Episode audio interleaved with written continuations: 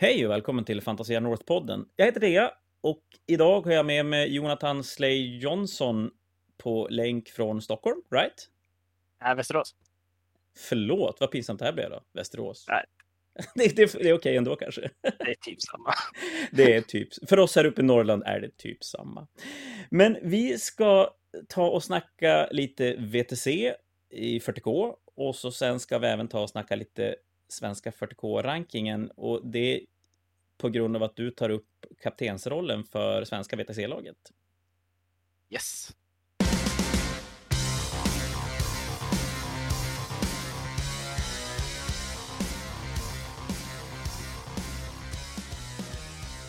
Så, men då tänkte jag börja.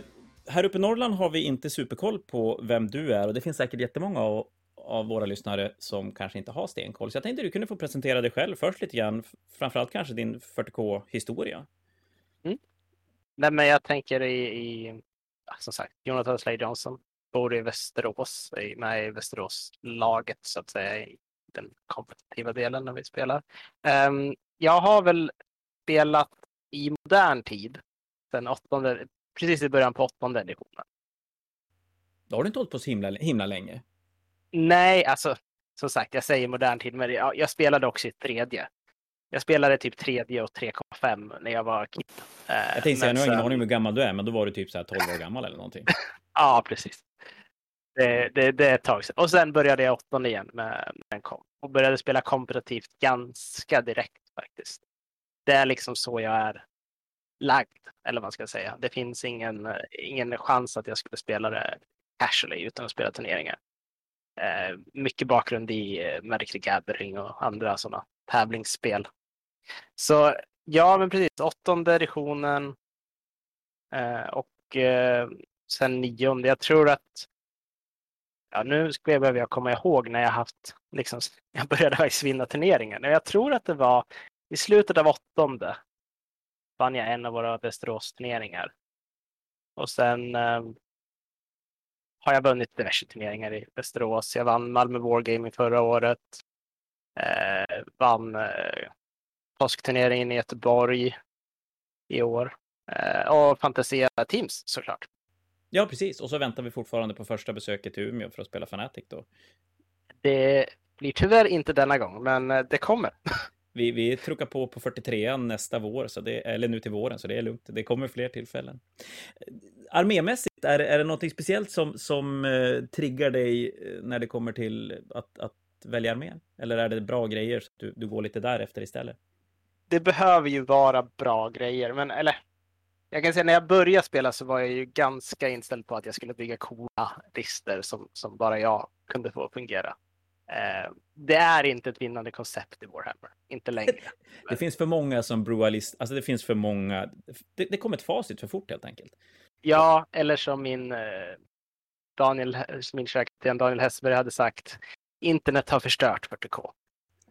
Han har ju inte helt fel, ska jag Nej. ärligt säga.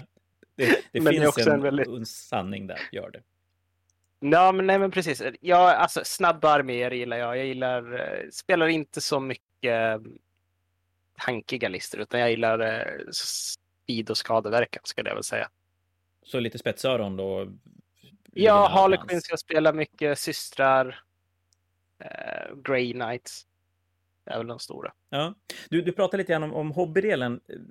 Det finns ju en sån där lite nidbild av duktiga turneringsspelare. Framförallt då kanske att man, rent, man tittar rent på VTC-spelare och sådär. Att, att hobbydelen är, ja men det gör man inte, punkt. Hur ser det ut för Mm. dig? Målas det och sådär eller? eller?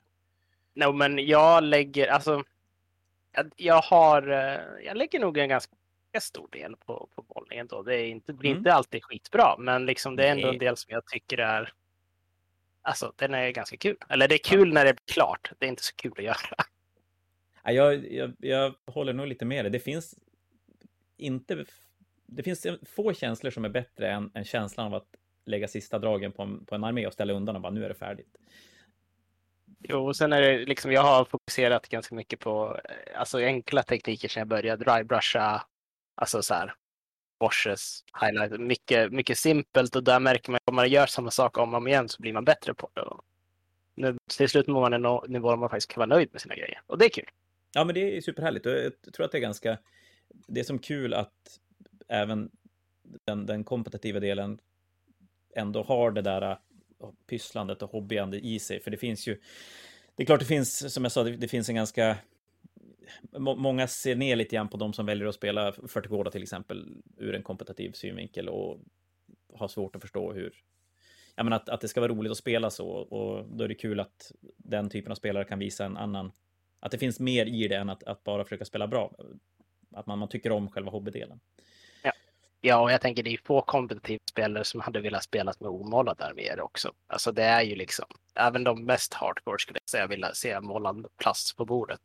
Ja, och jag har ju eh. faktiskt precis raka motsatsens uppfattning. Vi, vi har ju haft många sådana Best in Show-uttagningar från, från gamla ETC och VTC-spelare och sådär. Så att, och, och mängden figurer ni tenderar att ha för att hela tiden kunna ligga lite före metat är ju mer än bara en 2000 poängs armé. Oftast i alla fall. Uh, ja, jag sitter och tittar runt i mitt hobbyrum nu och kan confirm. ja, jag tänker systrar, vad fan, du måste ju ha hur mycket som helst för att vara förberedd för... Ja, nu hann vi prata innan vi körde igång poddinspelandet om, om eh, nästa balance sheet som, som är väl på väg runt alldeles snart. Jag menar, systrarna är väl en sån som kan få sig en liten känga lite här och där, kan jag tänka mig.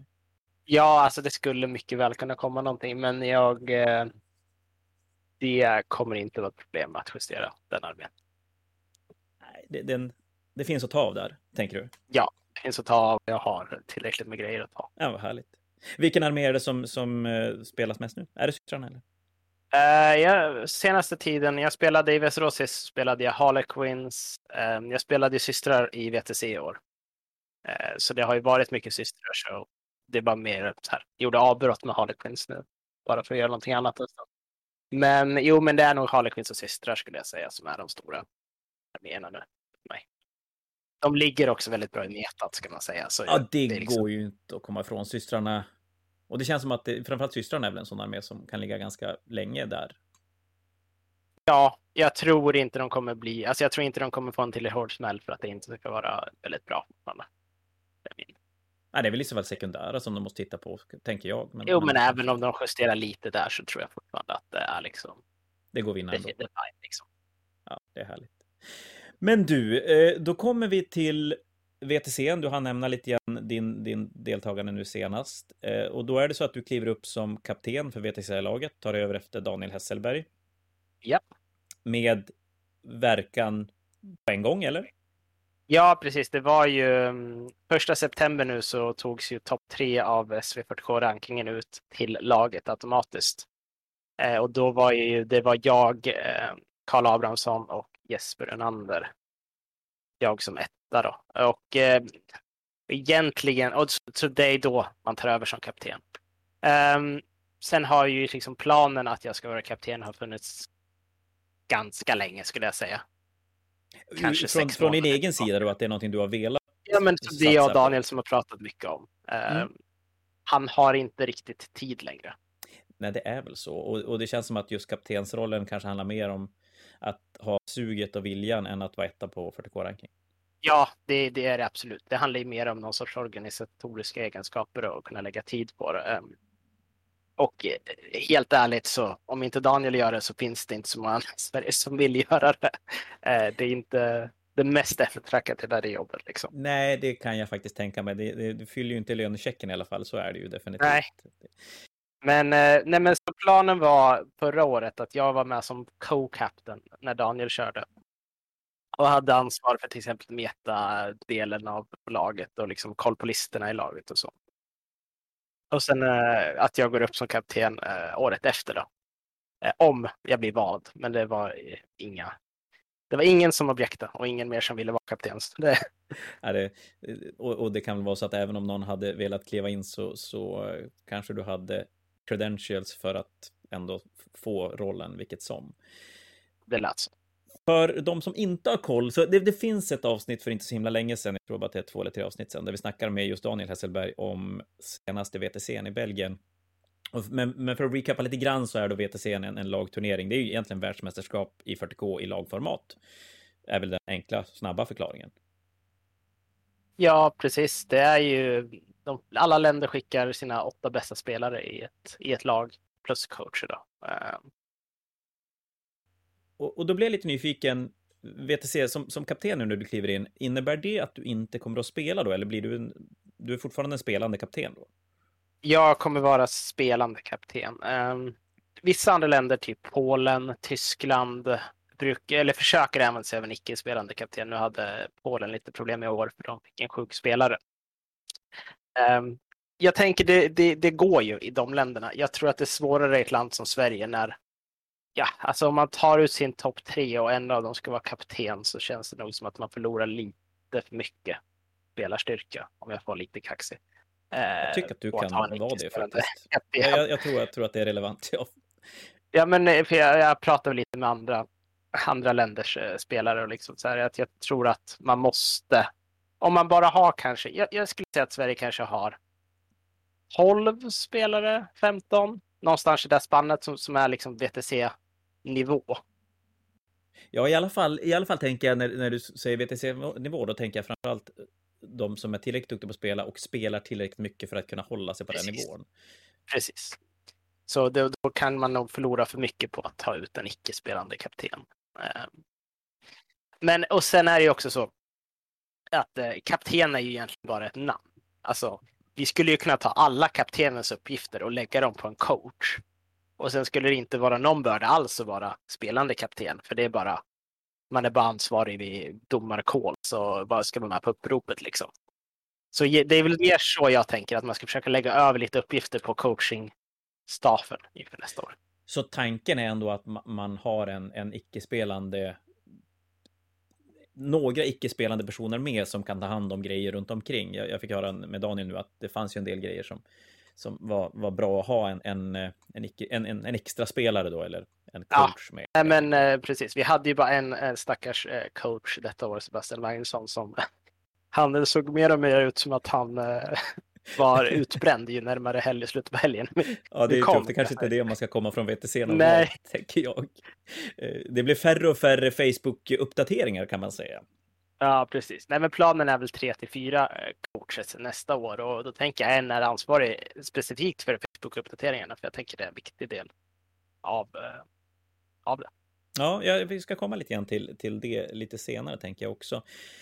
Men då när det kommer till VTC har ju rullat ganska länge. Har du några sådär äh, saker som du vill gå in och förändra hur, hur, hur upplägget eller sådär? Eller känner du att du kan bara som kliva in och ta en roll och, och rulla vidare på samma sätt som det har varit tidigare?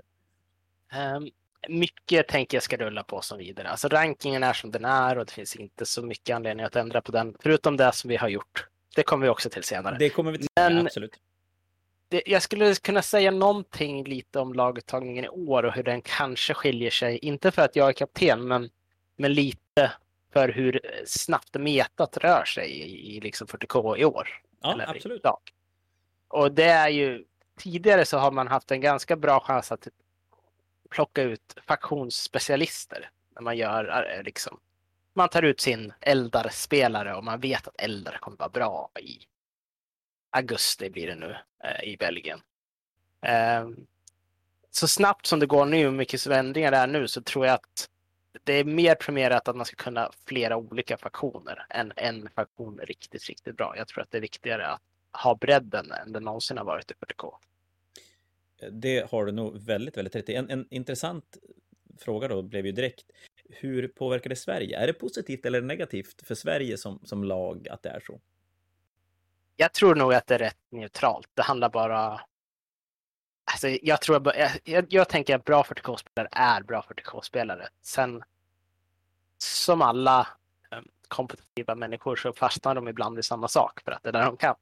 Men eh, det betyder inte att de inte kan bredda sig om, de vill. Jag tror att det är eh, ganska neutralt. Jag tror att vi kan vara rätt snabba på förändringar om vi behöver det. Ja, just det. Men, men, eh, då, som du säger, då kan man inte börja redan nu spela in sig på en armé, utan då är det nästan bättre att resultatmässigt visa ett, ett, ett bra resultat med flera olika arméer och, och kanske komma topp, topp fem med, med, med, tre olika arméer istället för att komma ja. topp tre med samma armé då? Ja, men precis. Och det är det jag har sagt till de som är intresserade av att spela. Att, att uh, jag behöver se att ni spelar mer än en armé om ni vill följa med liksom, i nästa år. Uh, och sen är det också det att tionde editionen ryktas ju droppa i vår nästa år. Ja. Så all testning nu blir ju lite kanske inte helt relevant. Jag tror svårt att tro att tionde kommer skilja sig så mycket från nionde. Men det är liksom metat kommer ändå superförändras säkert.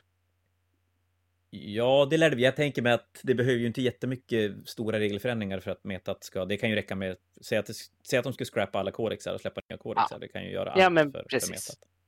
Och vilket ryktet är inför tionde. Ja. Så jag, jag kommer fokusera på att plocka alltså, ganska breda spelare nu som är redo med flera olika, alltså så här, som kan tänka sig att plocka upp egentligen vad som helst. Då följdfrågan här blir ju, Eh, frågan vi ska börja med, ska vi börja med hur blir urvalet? Alltså hur, hur gör ni rent krasst när ni, när ni tittar på vilka spelare som finns, finns att välja mellan och hur man väljer den ena framför den andra?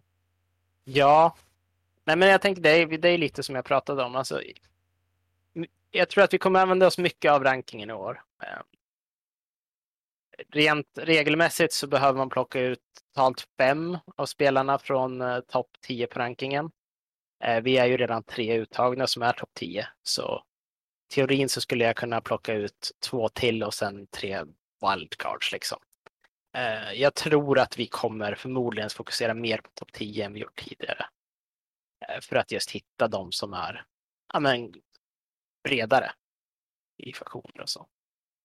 Eh, sen har jag också en vilja om att, och det här, så här, det här är ju önskemål eller vad man ska säga. Bred faktion, upp, upp på, högt upp på, alltså, okay, ja, precis, bred faktion eh, upp på rankingen så högt som möjligt såklart. Jag vill se, jag ser gärna att man kan använda TTS.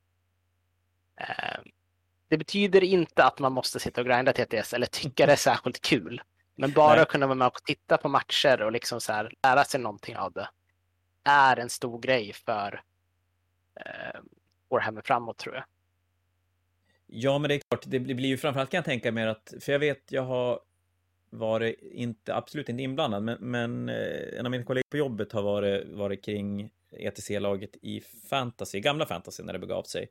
Och en del för oss här uppe i Umeå till exempel är ju det faktum att då var det en x antal träffar i Stockholmsområdet för hela laget och, det kan ju vara lite tufft. Och, och det är klart, det blir ju lättare om man vill hitta bra spelare runt om i Sverige och man kan spela och se vad de går för på TTS också. Ja, precis. Och det är bara liksom, det är bara extra tillfällen att lära sig saker. Eh, så jag tycker det är viktigt.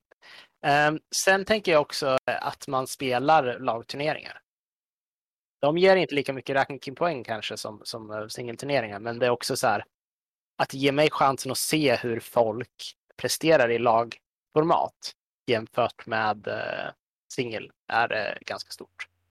Ja, för visst är det så att, och det här har vi, har vi pratat om på podden tidigare, men, men det är ganska stor skillnad att spela en singelturnering och vinna mot att vara, vad ska jag säga, vara bra i lagformat. Att det är inte alls säkert att det krävs samma saker.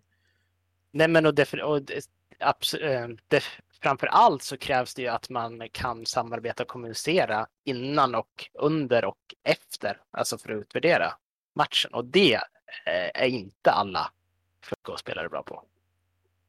Det tycker jag är ganska intressant. Vi har pratat rätt mycket om det när det kommer, egentligen när det kommer till att podda, när det handlar om att analysera böcker och grejer, att det är ju ganska olika hur en duktig spelare en, en duktig spelare kan vara enormt förklarande och kan egentligen bryta ner sitt spelande i detalj hur, ja men varför det är bra. Medan vissa spelare är ju bara bra och kan inte ja. riktigt sätta fingret på varför de är bra. Gamla hedliga talang mot eh, liksom träning eller repetition. Ja, och det, det, är väl ganska skönt att det finns den varianten också. Men, men det är ju lättare kanske att peka på den som kan träna sig till och, och mer förklara varför saker och ting är bra. Men, men jag gissar att ni ändå det är ju ändå lite samma människor som spelar, spelar på turneringar runt om i Sverige, så att ni, ni får ganska bra känsla på vilka personer som, ja men hur, hur personerna är som spelare och personer. Jo, och det är ju, alltså jag har ganska brett kontaktnät på spelare, så om jag skulle vilja veta hur någon är att spela mot så vet jag vilka jag ska höra av mig till. Man får ju rapporter hela tiden. Eh, liksom. Eh, på. Men eh, jag tänkte också säga, för Västerås har ju nu en, en lagturnering i november. Ja. Eh, och där har jag valt att inte spela och istället eh, vara TO. För att kunna just ha koll på lite så här möjliga rekryter, hur det fungerar för dem när de spelar eh, Teams. Det låter ju lite uppoffrande, men, men en jävligt bra idé. Nej, det kändes som, som rätt grej att göra. Dels för att bara hjälpa till med TO-ondet i Västerås och dels för att jag tror att man kommer kunna få in mycket information som man inte ser i rankingen eller på andra ställen. Liksom. Ja, men det, det tror jag, det har du alldeles rätt i. Just kanske det här att, ja men när man blir Ja, men jag, framförallt kan jag tänka mig de som är lite mer kaptener i lag, de här lagen som är då i och för sig ganska små i jämförelse med hur VTC är, men, men att hur man som, ska jag säga, citationstecken bestämmer hur ens lagkamrater ska agera i matcherna och lite grann hur man väljer att försöka, försöka para och sådär. Kan ju vara ja, men också bara så här, jag erbjöd mig också det var väl ett erbjudande till alla, så ni som lyssnar på det här kan bara tänka på det, att, att om man är intresserad inför också så kan jag sitta med när man skriver listor eller alltså förklara vad man behöver göra för att eh, ha en bra laguppsättning eller hur liksom pairings till och vad tror ni om den här matchupen? Alltså jag tänker att jag kan vara behjälplig där, eh, särskilt när jag inte har någon egen lagtillhörighet för turneringen så kan man liksom bara hjälpa mm. till med det och se lite hur folk alltså, uppskattar matchups. Eh, hur duktiga de är på det. Ja, för, för som jag förstått det då, så är det en ganska viktig del av ens jobb inför en VTC att på något sätt gradera sin egen armé och bestämma hur bra man är mot olika typer av matchups. Ja, alltså det är ju 99 procent av testningen är ju Nej, förlåt, det är inte alls det. Eh, ja, det 50 procent av testningen är ändå att sätta matchupen rätt och 50 procent är kanske att lära sig ja, men reglerna och vad som händer i interaktionen mellan så med. Men 50 procent är liksom, är det här rätt ja. score för den här armén? Ja, när det är så duktiga spelare så det är klart, det, det, det är små marginaler. Ja, det är det. är väldigt små marginaler. Och, och en, en fel matchup gissar jag kan, kan skärpa ganska rejält om det, om det slår väldigt fel. Ja, alltså man får ju tänka att det är det är ju ett 20-0 eh, system. Och säga att man har en matchup som man tror man kommer ta 20 i, men så tar motståndaren 20. Det är ju inte bara en 20 eh, poäng sving. Utan för att det är ju en, eh, det är 40, 40 poäng sving för motståndaren får 20 och vi förlorar 20.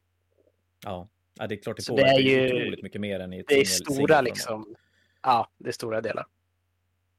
Hade ni någon sån senast? Någon sån här riktig, riktig, du behöver inte hänga ut någon, absolut inte, men, men alltså var det någonting som, som blev så här superfel eller, eller nu senast i Belgien? Ja, jo, jag. jag... Eh, in, ja. vi, kan, vi kan ta det från början. Eh, ja, jo, men alltså jag... Eh, min största del av testningen inför var eller okej, okay, vi behöver börja här. Man får välja om man ska med Harlequins eller Craftmodeller. Det är samma kodex. Mm.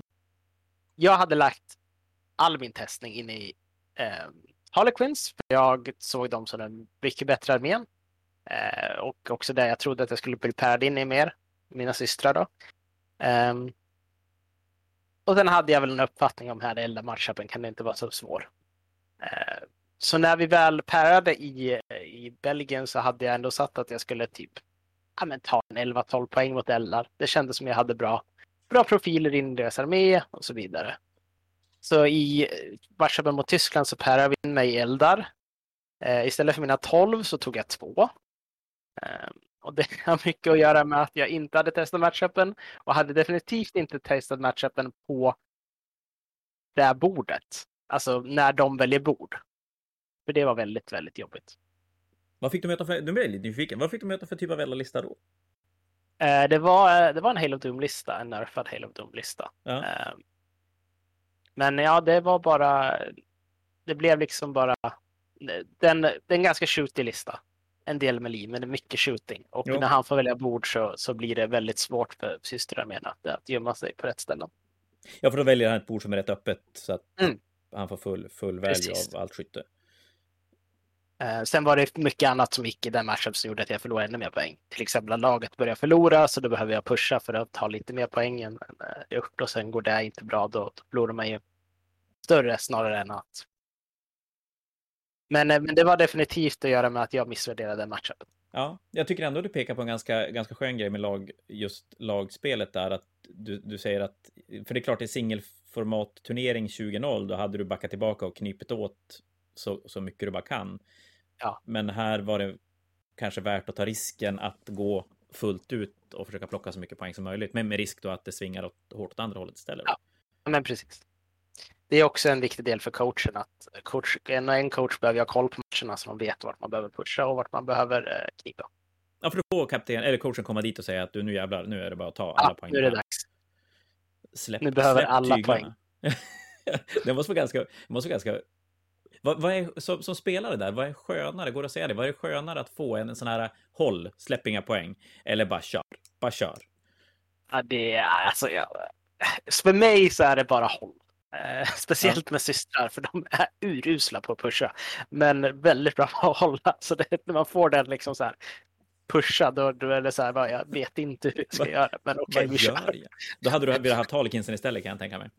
Ja, det är ju, det, där vet jag inte riktigt hur man håller när man spelar Harlequins. Nej, nej, de är ganska duktiga på, på att vara överallt. Så är det ju definitivt. Men du, snyggt. Jag, nu har vi svarat, vi har kommit in på väldigt mycket av, av så här delfrågor jag hade under just den här VTC-grejen, men, men eh, ändå lite intressant hur du ser, hur du vill, ska vi säga påverka 40K-Sverige med ditt VTC-kaptenskap. Har du några tankar på hur man kan som jag vet inte, göra mer för 40K rent allmänt? Men det, det, jag har tänkt, eller det jag har börjat göra nu, det tänker jag är just det här med dels att Västerås kör sin teamturnering, eh, har jag pushat för ett tag.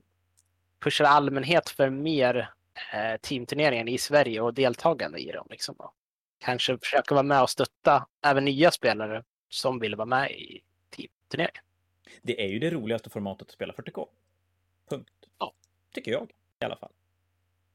Nej, men det, det stämmer. Um, men det är lite högre barrier för entry liksom. Man måste ha kompisar. Uh, det är en till steg i pairingen som kan kännas läskigt. Så jag tror att man behöver någon sorts supportsystem lite där för de som uh, inte riktigt vågar än.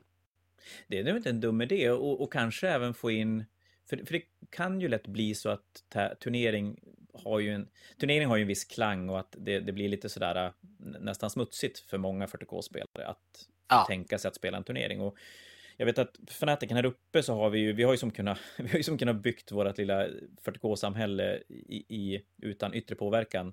I alla fall från, från slutet på 90-talet fram till säg 2010 eller någonting. Ja. Och det gör att vi har ju så enormt blandat med spelare och det är ganska skönt att kunna få den mentaliteten i, i lagturneringar, för jag tycker nästan att det är ett format där det passar ännu bättre att komma som ganska ja, men ganska dålig 40K-spelare och ändå kunna känna att man, man tillför saker till sitt lag och att man, man som kämpar tillsammans, även om man alla förlorar så, så känns kanske varje poäng som ett, ett, mer lyckande när man inte spelar själv.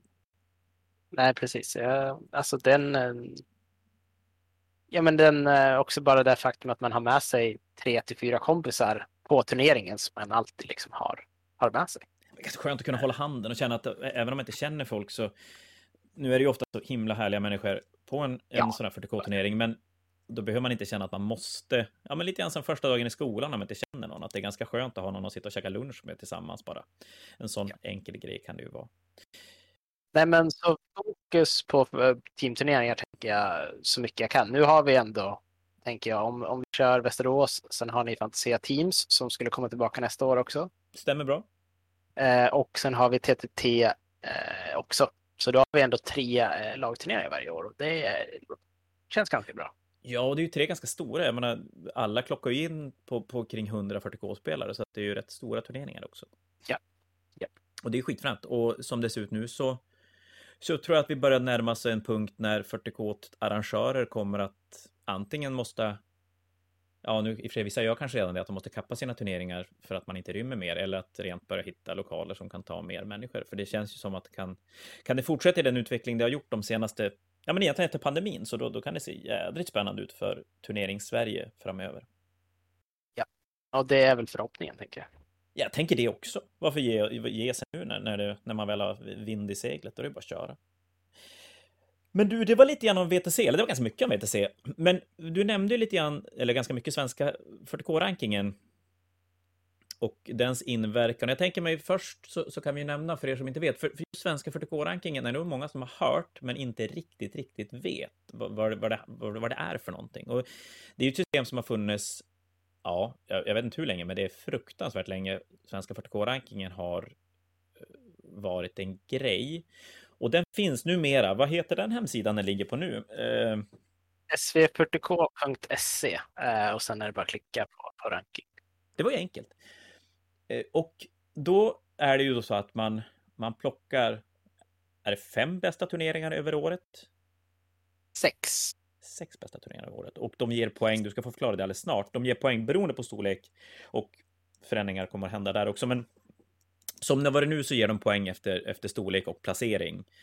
Och ju högre upp du hamnar, ju, ju bättre 40K-spelare kanske du är, eller förmodligen är du. Och det du har nämnt då från, från uttagna VTC, då, det bygger då kring den här svenska 40K-rankingen. Men hur tidigare då, vad sa du, det var de sex bästa turneringar över året? Eh, de sex bästa turneringarna och rankingen står fast i eh, ett och ett halvt år. Så okay. när turneringar blir äldre än ett och ett halvt år så faller de ur. Eh, Okej, okay, så då faller de, ja precis, ja just det, ja precis. Och hur räknade man poängen då? Eller hur räknar man poängen nu? Än så länge fall. Det är som sagt baserat på antalet deltagare. Just nu är den kappad på 40 deltagare. Så, så, eller jag tror att den eh, blir inte alls stiger i samma grad efter 40 deltagare så att säga. Uh, Nej, varje spelare blir värd, jag tror ja, att det är mindre. typ en tiondel ja, spelare eller någonting exakt. sånt. Ja, någonting ja. sånt. Uh, och sen är det liksom bara liksom hög, högre upp, ju mer poäng får man. I, i rankingen. Då. Och den här baseras inte på vilk... Den här är, ska man säga då inom citationstecken, ganska enkel ranking. Den baseras inte på hur bra spelare som är med i turneringen och sådär, utan den är ganska bara Nej. antal och placering. Ja, det är simpelt. Det är ingen el och uträkning eller någonting. Eh, vilket kanske hade varit att föredra, men det är ganska svårt system att implementera. Det känns som att vi ger oss in i någonting helt annat då, om vi ska, ska börja med det faktiskt.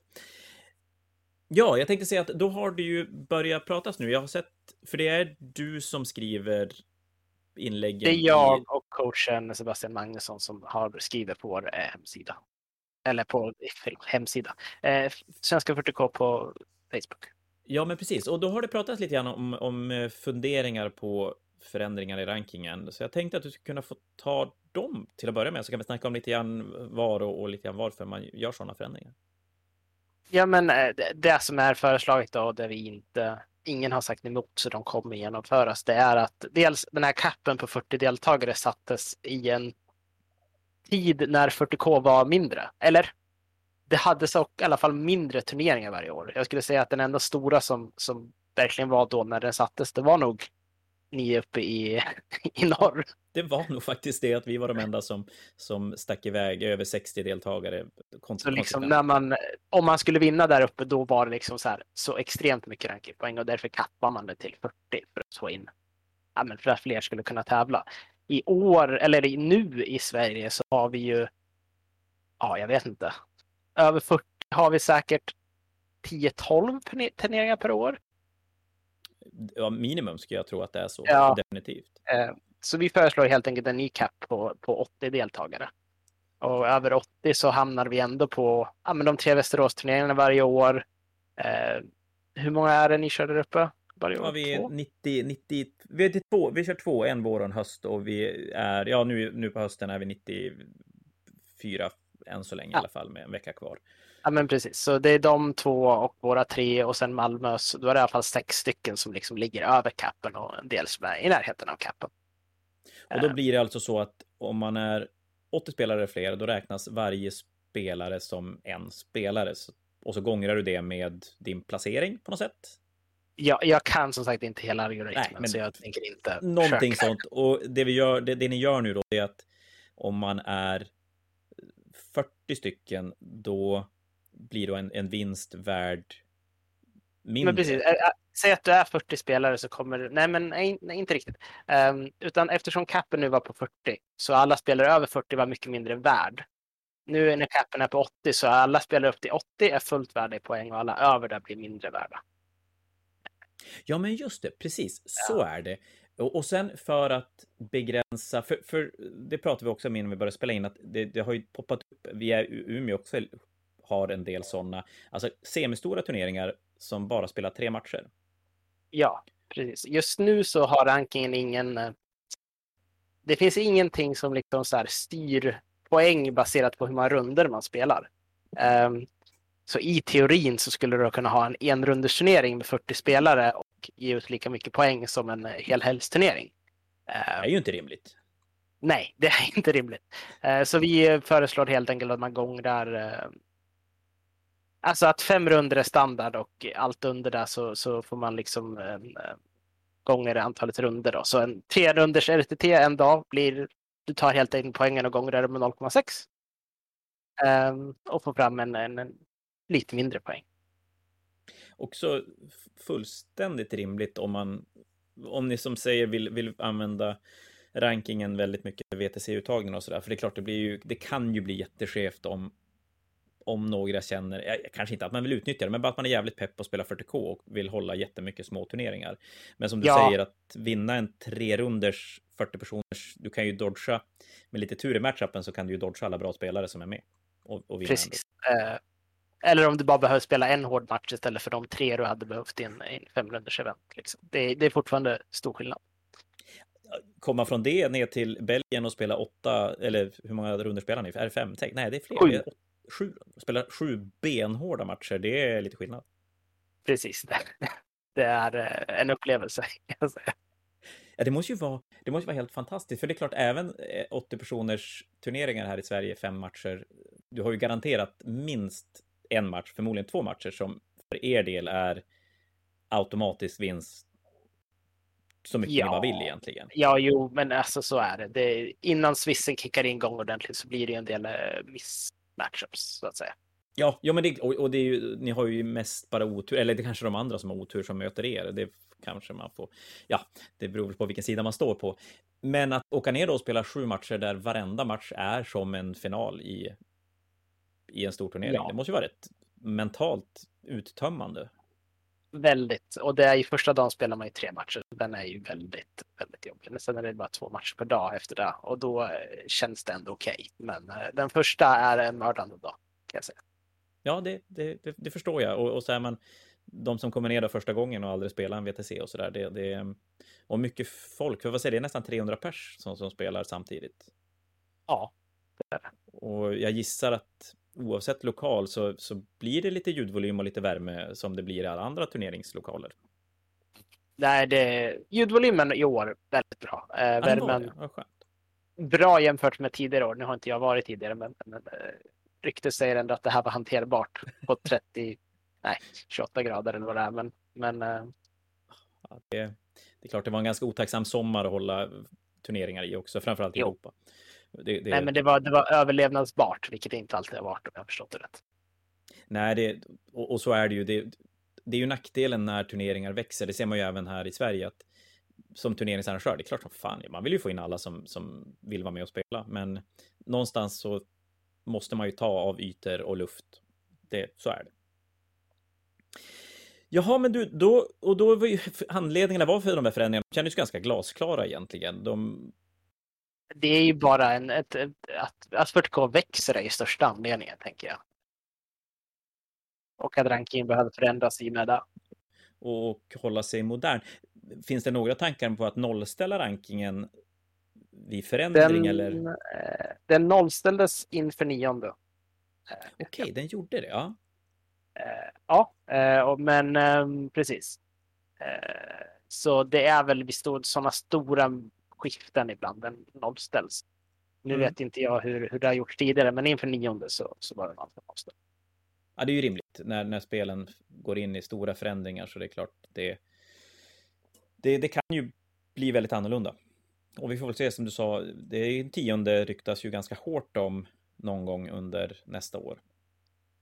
Och jag tänker det viktigaste där för, för är väl att den inte nollställs i, inför ett VTC. Eller så, här, att, så länge det är en bit kvar till ett VTC. Så, Mm. Måste fråga då en personlig grej när det kommer till nollställning och regler och förändringar. Du som spelare, uppskattar du förändringarna som ett, ett, ett kul en rolig anledning att som gräva ner i boken och börja leta eller är det bara drygt? Nej, alltså jag tänker att de förändringar som kommer är nästan alltid välbehövliga. Det är nerfs på lag som är alldeles för bra och buffar till, till bra faktion. Sen kan det komma saker som GVs eh, senast de gjorde den här två Ancient Engagement Range i ruiner som var en fruktansvärt ogenomtänkt och regel som hade mycket eh, liksom, ja. vad ska man säga, implikationer eller ja, mycket vågor på vatten som de inte hade tänkt på överhuvudtaget och då kan man känna sig rätt frustrerad. Men överlag så är förändringarna ganska bra ja. på spelet tror jag. Den där, den där tvåtumsgrejen är ganska intressant för att ur ett tävlingsperspektiv och där jag jag står väl ganska mycket på båda benen, jag är inte så superduktig på att spela, men, men eh, från den kompetitiva sidan så är det ju en mardröm medan man pratar med sådana som inte har den delen av spelet i sig, då, då är den så här superskön för den, den, löser alla konstiga saker jätteenkelt. Men ja, ja. ur matchplay synvinkel så är den ju hemsk. Det går inte att komma ifrån. Nej, men nu är den borta. Eh, det uppdaterade de eh, förra veckan. Yes, det var en, de uppdaterade FAQsen förra veckan och gjorde en grej. De tog bort den. Snyggt. Då är ju spännande. Vad gjorde de istället? Släppte de dem helt och hållet eller? Nej, de bara släppte. Eh, där kan jag rekommendera alla som lyssnar att använda VTCs regler för ja. eh, De funkar utmärkt. Vi spelade ganska länge med, med det rimliga att, att man kan blocka 32 mm baser. Nu får du inte döma oss för det, men, men eh, det var ju... Alltså, ja, det, jag lämnar det där. Det är inte så stor grej som man kan tro. Det beror ju lite på hur ens ruiner ser ut. Eh, största problemet med det här att blocka var ju i USA när de spelar gigantiska fyrkantiga hus som man kan kliva in i och sen blockar av hela liksom, sidan. Ja, okej, okay. alltså rent, det är fyra väggar på, det är fyra väggar helt ja, enkelt. precis. Eller det här var ju åttonde, det här var största grejen. Då, då ja. var det en liksom, ja. Ja, det, det, eh. ser jag ju som ett problem. Nu är det klart, nu på gott och ont så har ju terrängen blivit ganska standardiserad på, på många turneringar. Eh, jag kan tycka vad jag vill om det, men det var en helt annan femma. Jag tänkte att vi skulle passa på och nu kommer jag att vara en elefant i ett porslinshus kanske, jag har ingen aning. Men, men vi hann prata lite grann om det och om det nu är någon som är ansvarig kring rankingen och tycker att det här är en svindålig idé, då får ni höra av er till mig helt enkelt. Men jag tycker så här, rankingen är jätterolig och jag tycker att den kan uppmärksammas ännu lite mer än vad den gör. Så att jag tänker att vi kommer att gå in och fixa ett coolt plakat till vinnaren av rankingen, alltså den som ligger etta i slutet på året helt enkelt. Eh, som en liten extra bonus för det, om man, ja nu kanske man ligger man etta på rankingen, då kanske man är med och spelar VTC, vem vet, men, men eh, det kan ju vara en kul grej att ta med sig och ha hemma eh, efter årets prestationer. Vi kommer att prata mer och diskutera det mer längre fram och lägga ut mer om det också. Men, men så att ni vet att vi kickar väl igång det redan i år och tänker att vi kan dela ut en. Blir det till dig då eller? Ja, Håller du? Det finns all möjlighet. Jag, eh, nu har jag bestämt för TO ett event istället för att spela och, i det. Och missa Fanatiken också. Fantastiskt dåligt. Ja, precis. Så vi får se. Så du tycker definitivt vi kör det nästa år? Eller? Nej, det är klart, nej, den är lite tuff. Det av de två är ju... Det är ju ganska mycket poäng som, som är med uh, här på slutet. Precis, men det, jag får helt enkelt vinna de jag åker på. Ja, men eller hur. Det, det är ju superenkelt. Men du, är det någonting mer du känner att vi ska ta upp när vi, när vi snackar VTC och svenska rankingen och sådär? Eller tycker du att vi har täckt det mesta? Jag tror att vi har täckt det mesta. Jag kan väl bara säga att om någon är intresserad av lagspel i allmänhet, svenska laget, vill delta, vill följa med ner och titta eller vad som helst, eller bara låter, tycker det låter intressant så kan ni höra av er till antingen eh, Sven Team Sweden 40K på Facebook eller till mig liksom på, på Facebook Messenger. Ja. Men jag kan lägga ut den eh, Team Sweden 40K-länken i beskrivningen på det här poddavsnittet också. Och Så går det jättebra att höra av sig till Fantasia också om man vill ha länk vidare eh, till, till den. För det är ju faktiskt så att det spelas en, eller det kanske det inte gjorde nu, nu spelas en singelturnering i, i samband med WTC också eller? Ja, eh, precis. De eh, två dagarna in, tre dagarna innan är det singelturnering och sen är det eh, lagturnering. Så då kan man fara ner och spela den och så sen kan man hänga med, med svenska ja. VTC-laget. För det brukar ju vara ett rätt skönt gäng som åker ner och spelar. Så att, eh, det kan jo, vara en trevlig absolut. helg. Och det tänker jag också jag kan pusha för. Om man inte tänker att man eh, kommer kunna spela VTC i år för att man kanske inte känner sig tillräckligt duktig eller så vidare så bästa sättet att, att liksom menar, inte få in foten, det är ju att komma ner och spela singeln och liksom umgås och hjälpa, eller hjälpa till som coach eller liksom så här. Eh, att visa att man är villig att, att, att jobba. Helt ja, enkelt. Det, det känns ju det är en det är lite grann som i alla andra sporter och föreningar och grejer, att, att visar man framfötterna då, då är det lättare att bli en del av, av det hela. Svinbra, men du Jonathan, supertack för en, en superbra genomgång av både VTC och svenska rankingen och vi kommer säkerligen höras mer i det här formatet. Oavsett så önskar jag lycka till med allt VTC-kaptenandet och även ditt 40K-spelande och så hoppas jag att vi ses till våren i Umeå kanske för lite 40K-spel. Och till alla som lyssnat, eh, tack för ikväll och vi hörs längre fram med ett League of kodexgenomgång Codex genomgång blir nästa steg. Så hej då på allihopa, så hörs vi mer längre fram.